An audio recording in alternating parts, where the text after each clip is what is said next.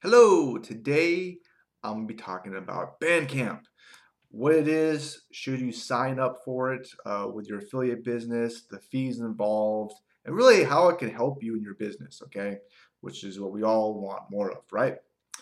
Okay, well, before I begin, uh, down below you'll notice there's a link in the description. It's called trustthelink.com. If you click on it, um, you'll discover what I truly believe to be the number one tip to making money online with affiliate marketing. Okay.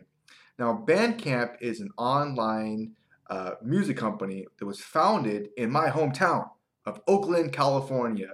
I actually grew up uh, in Castro Valley, but I spent time in Hayward, Alameda, and now the housing market is just, oh, nobody can afford a place out there. so expensive.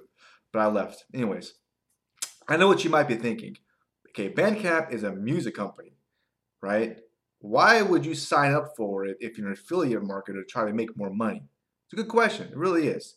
Um, by now, you probably already know, or if you don't know, I'm a lazy affiliate marketer. I don't like to work that much. And what I want to do is take one piece of content and just stick that bad boy all over the place and leverage the sheesh, out of it, okay? Um, that sounds appealing to me, okay? And what I've been doing lately, which has been successful, is I've been taking uh, I've been taking like a video and then taking the sound out, uploading it to Anchor.fm, which is a free podcasting platform. I've gotten a lot of traffic from that and exposure. Okay. Now, um, Bandcamp Bandcamp allows you to upload your podcast to it as well. So it's very similar to Anchor.fm, and it carries the ultimate price. Do you know what that is? It's free. It's free. I love free. Okay. So why not? Okay. That's what I'm talking about. Now, SoundCloud, I don't know if you ever heard of that one. Um, that's actually another podcasting platform. But the thing that's kind of negative is it's not really free. Okay. Um, okay. So, how can you use Bandcamp to make more money? Which is a good question to ask. Well, you can create a podcast on a certain topic. And if someone uh, fi- finds that podcast on that topic and listens to it, you can mention the website. If you if they go to that website and then buy something, you're gonna get paid. So it's another way to market your business. Okay. Now this is what I do. Uh, what I usually do is I'll write like a short article, like 300 words, maybe a little bit more, um, on a certain topic. Uh, and the topic, the keyword gets a lot of traffic and doesn't have a lot of competition. That's key. Okay, that's a good thing. Um, but it has, has has to do something with your target audience, what they're looking for. Okay, that's kind of key too. Um, then I'll create a video based on an article, and I'll use a program called Any Video Converter. It's completely free. I'll take the sound out of that video and upload it to uh, Anchor.fm as an MP3 file. Um, now, Bandcamp doesn't use MP3, you have to use Wave or another one. But the program will do the same thing. I don't want to confuse you.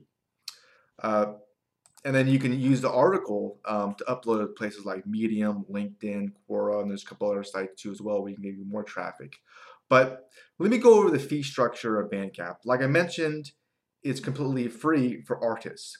So you might be wondering, how does the company make money? Well, they do it through revenue sharing on a sell, which is 15% digital and 10% of merchandise if you like sell a CD. Now there is a pro version, which is $10 a month for an artist. Um, and that just gives you a lot more perks like bulk uploads, targeted messages, uh, better stats, but you don't need to spend the money if you don't want to. Now you can charge for your podcast. You can do that. Um, but I don't really think that's a good idea. Okay, here's why. What I do is I use uh, the podcast, an article, a video, and even create ebooks, believe it or not. I give those away. I haven't done it lately. I'm lazy.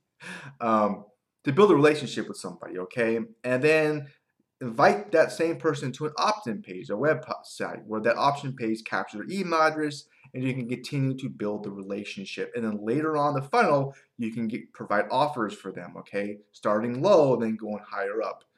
Um, but remember, people don't usually buy the first time around. Some people do, but most people they just don't. Okay, and that's just the way the world is. That we have to live in reality. Okay, look, I'll kind of compare it to Gary Vee. He's a very successful internet marketer. Gary Vee is right.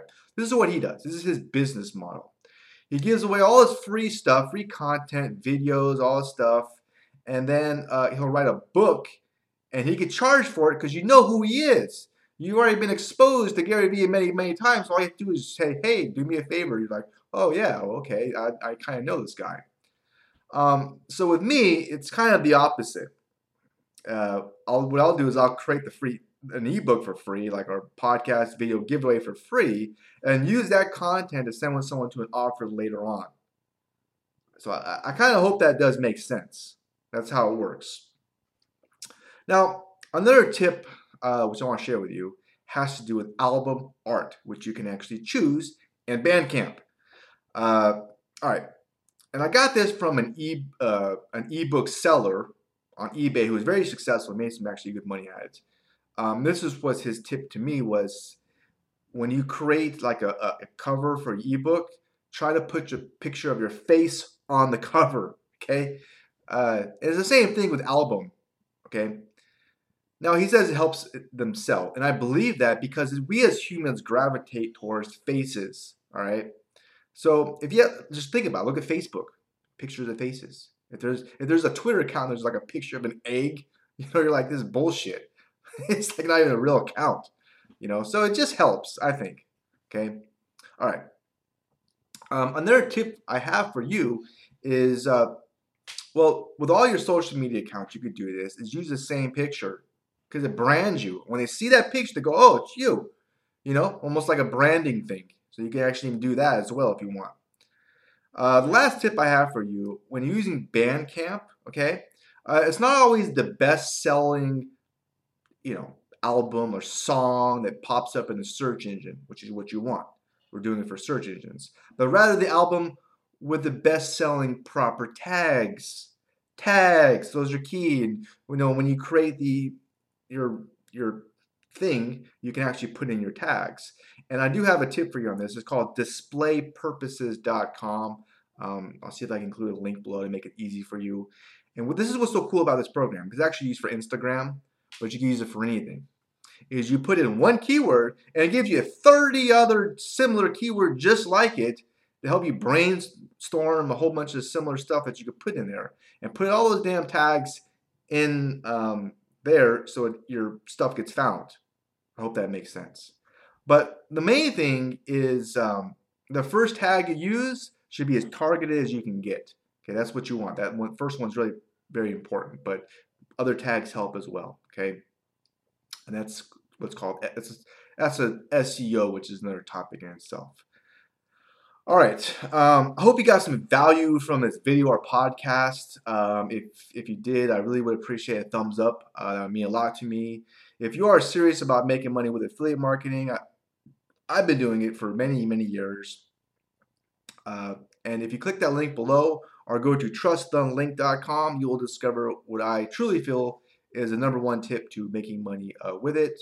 Uh, what do you think it is, huh? Do you agree with that one tip? Anyways, uh, anyways, I wish you the best. Have a very awesome rest of your day. Take care and uh, bye for now.